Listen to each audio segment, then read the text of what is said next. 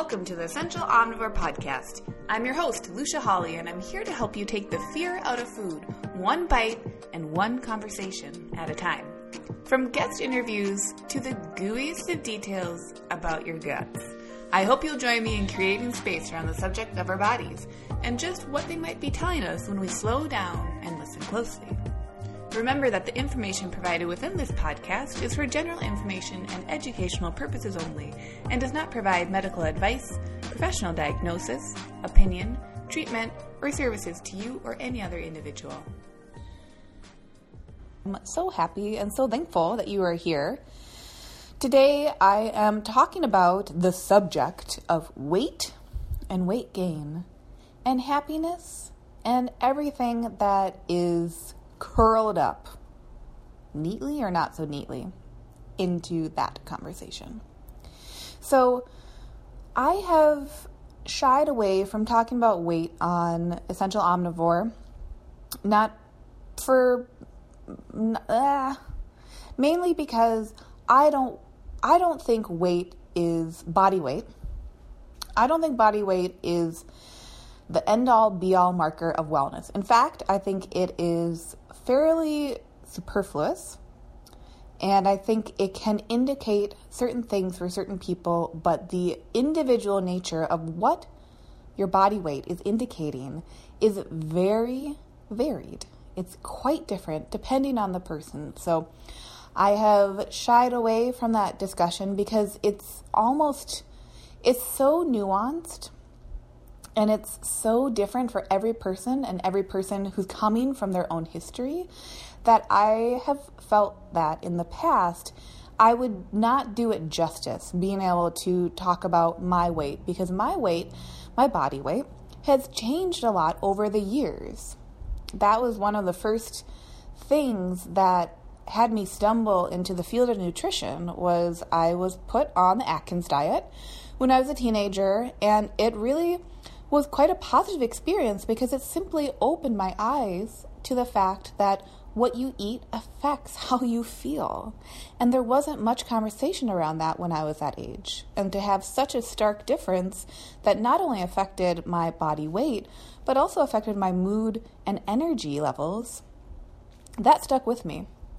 So to experience that, first and foremost, is cool, but to then have other experiences of how one's body weight can fluctuate over time, I really have stepped back in the last few months to realize that I think I should talk about weight and weight changes and not just keep that for private conversations with private nutrition clients because that's really where the dialogue goes down is when I'm working with people one on one because in those situations we can so easily navigate that conversation of body weight and we can navigate what is coming up for people as we're chatting, as we're discussing goals. If body weight is a factor in those goals, if it isn't, if it could be, if it even should be, or if it's something that is simply not part of the discussion. And oftentimes, it's really nothing that we touch on. And for other people, it's something that we really, really continue to talk about. So, in our society, body weight seems to be the resounding end all be all of saying whether you are healthy or not. If you are fit, trim, and toned, then you therefore must be healthy according to our society and its general takeaways. If you are not all of those things, or if you are none of those things, therefore you must be unhealthy or unworthy or somehow feel shame that you have not obtained those three things or more. So, today I want to say a few different reasons why gaining 20 plus pounds over the last year made me happier because I don't think that we talk about that as much as we could. And as someone whose body weight has fluctuated over the years because of different health related factors and different emotional factors, and the intersection of both of those, I think it's really, really, really important to make sure that we keep talking about this because the conversation is rich. And the less we talk about these subjects, the less we understand just how rich this conversation can be. So I realized I was doing it injustice by not talking about body weight. So here we go. I have six reasons, okay? So the first reason why gaining 20 plus pounds, and again, I, these are approximations. I don't really use the scale too much. I hop on it. I don't have one, but if I am around one, um, I'll hop on it. So every maybe a couple times a year, I'm looking at my body weight, okay? So the first reason is gaining those 20 pounds meant that I was letting my body speak to me over the last year, I was able to realize that I had been engaging in certain physical movement patterns, styles of working out that were no longer serving me. And at the time when I first started those types of movements, they totally served me. So, this is part of that dialogue where we realize hey, what I'm doing can work for me in the short term. Maybe it never worked for me, but I really, really wanted it to work for me, or it seemed cool, or that was what everyone was doing.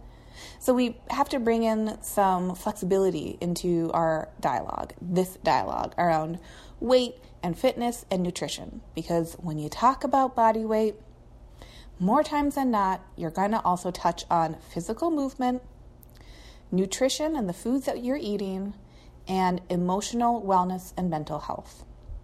Okay? So I let my body speak to me by recognizing about a year ago that the types of movements I was doing in the gym were no longer serving me. So I said, okay, what will my body do if I step away from those and offer myself the space, time, and energy to simply let my body be? How will my body be? Through that, my body said and showed me I'm going to gain weight.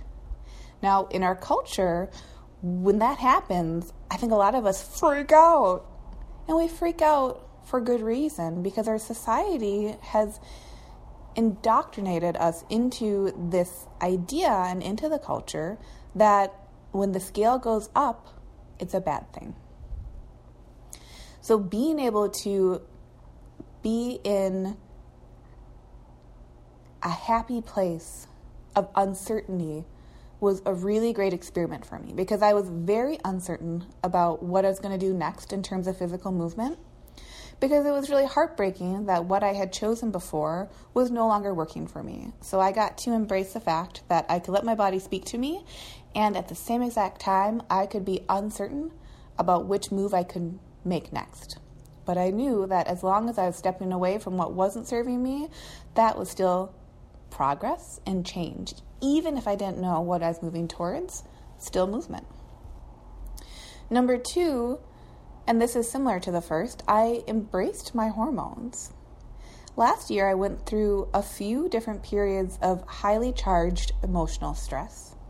I also moved across the country. I sold a house. I plunged face first whole body, deep plunge into business, and lots of other things. So, 2018 was a big year of growth and stepping away from a lot of different types of dynamics and stepping into a lot of uncertainty. So, in that time, I embraced my hormones.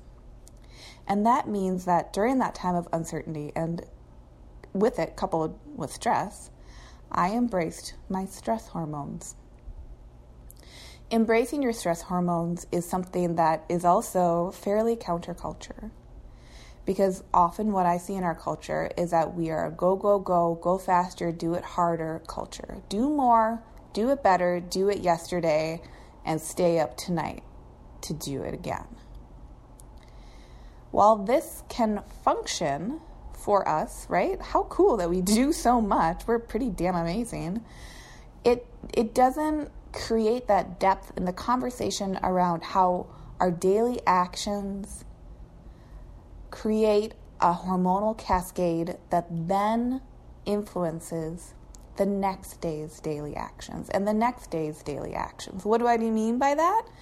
We are choosing stress.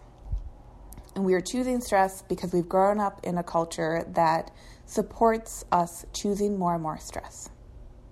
So, while choosing stress is a valiant effort and it's very commendable when you are burning the candle at both ends, like, God, people do so much and it's so incredible. in this last year, gaining those 20 pounds, I was embracing my stress hormones because my stress hormones were encouraging me to eat more food and to move less as a form of protection. And I was able to embrace that, knowing and respecting and trusting that that could be a short term process if I wanted it to be, because the changes I was making were pushing me towards a goal that I desired. And I knew that that goal would include periods of stress and periods of stress that then influenced a hormonal cascade of being stressed out.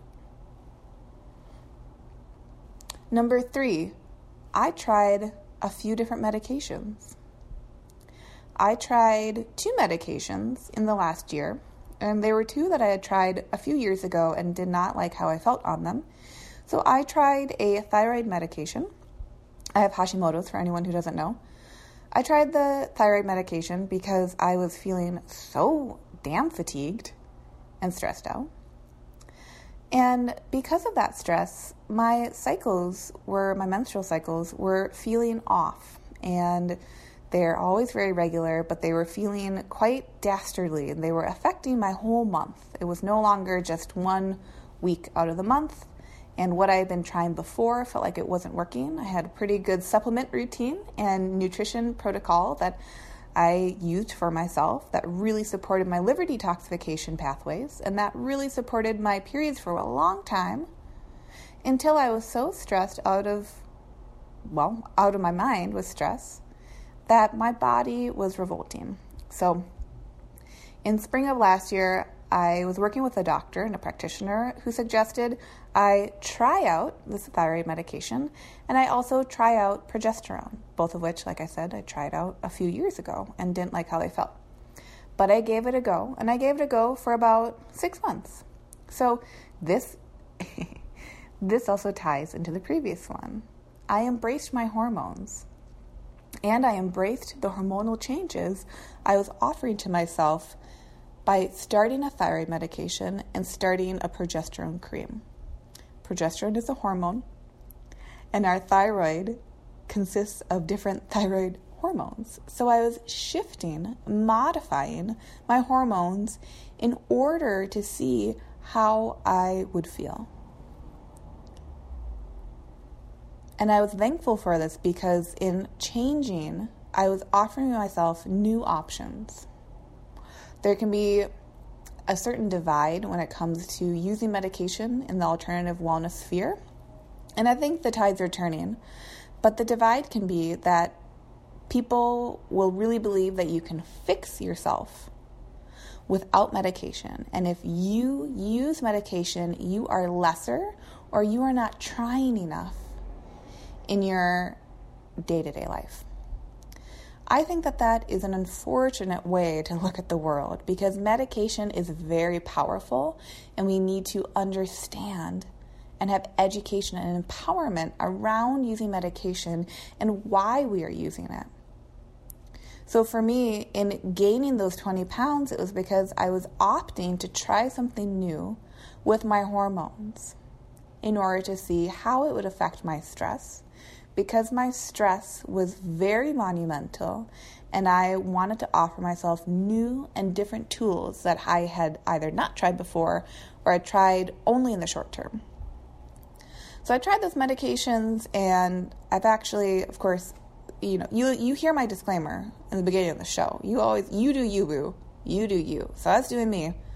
I came off of those medications because I was well, I came off of those a few months ago because my levels of stress changed a few months ago and they no longer felt like they were necessary. But that dialogue is for you to decide because uh, for a lot of people and a lot of different reasons, you cannot come off medication that quickly. But with those and um, with my knowledge, I was able to do that. Number four, I saw how stress affected me. In gaining those 20 plus pounds last year, I gave myself the opportunity to see how stress affected me without judgment. So often, when we talk about weight, my whole problem with looking at weight as something that is bad is that it makes us into these good or bad creatures. And you know what? I think most of us are pretty damn good.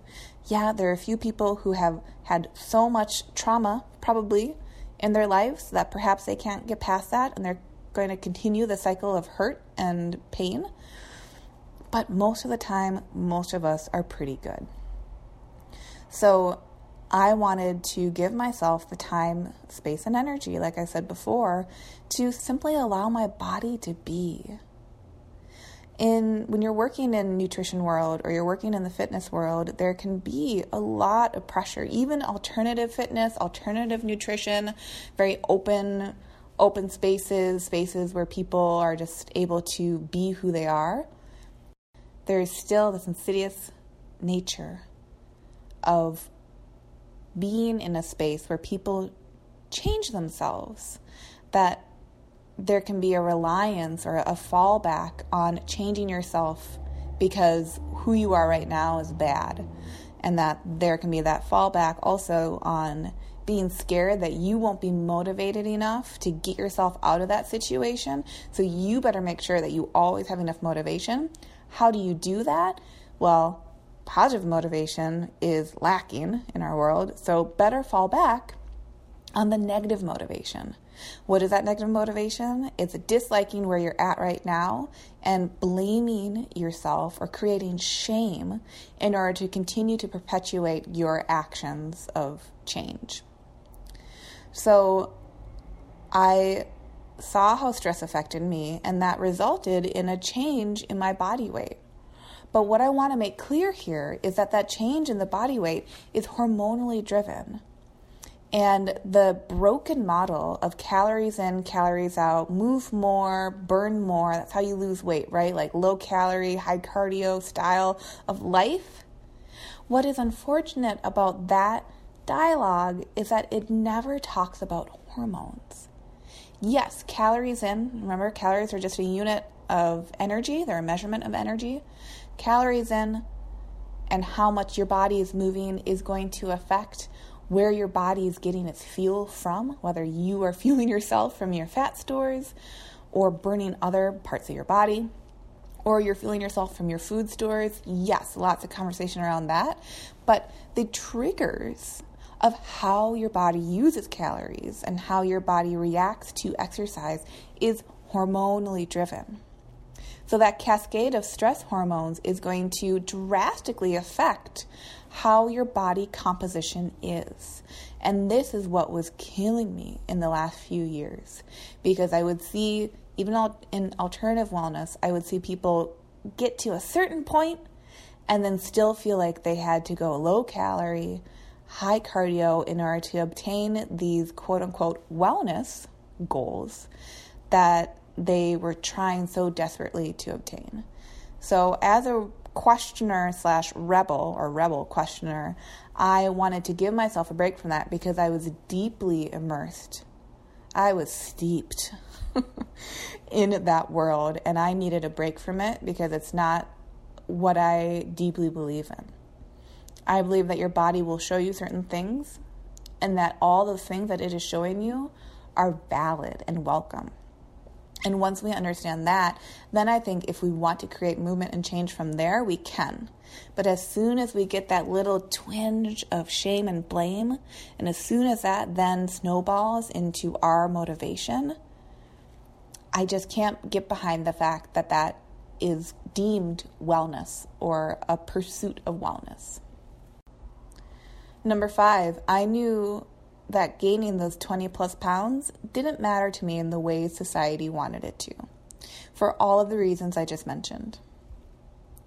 Number six, why gaining those 20 pounds made me happier is that I am not a before and after. I am a life. And this is something I have so embodied before, and I wanted to embody it again because I know everyone. I know that I'm going to embody that again. And I think the more we can be present in how our bodies change and shift, and the more we can understand that it's simply, most of the time, inputs and outputs, then we become less static in our thinking, which is beautiful because when we become less static in our thinking, we then recognize that our bodies are not static. Our bodies are always, always responding to their environments. So as I step back and I look at the last year and what environment I was in, which environment I was moving towards, and the environment of the middle between those I recognize that my body was simply responding to that and that that isn't a bad thing. That was my body taking care of me. And so often we look at our bodies as they're shifting and morphing as being broken or being unwell or being sick or being wrong. But if we can encourage this education and empowerment from that education to simply say, yo, wait a second, your body is responding, your body is responsive to what's going on, that is the miracle of life, is that your body is responding to its environment. How much how much more freeing is that? How much more freedom do we create from that thought process versus, oh shit, oh shit, I'm wrong. My body's responding this way that society says it shouldn't be responding, but it's still responding in that way. And how come other people's bodies don't respond that way, but my body responds that way? So my body must be bad. I must be broken. I am a crappy human. How often do we get to that dialogue? I think it's pretty often because I see it a lot. It's an easy one to embody because it's the one that is encouraged by our society. So, in order to create a new paradigm, this comes back to what I was saying in the introduction. We have to continue to make conversations around these subjects that open the box up because otherwise we will be boxed in. And if you want to be boxed in, that's your prerogative too. You know, I think that's part that we don't always even get to. Is, is if you want to be boxed in, dope. Every choice is a great choice when it's an informed choice. But let's make sure that every single choice, as much as possible, as often as possible, is informed. And if it isn't, well, how can we make it informed? So, in gaining 20 plus pounds over the last year, my informed choice is that I understand my inputs and my outputs. None of them are good or bad. And because of that understanding and because of that lack of judgment, I can move forward how I would like to move forward. And I say all this not because I am picture perfect. I've already sworn on this show, so fuck no.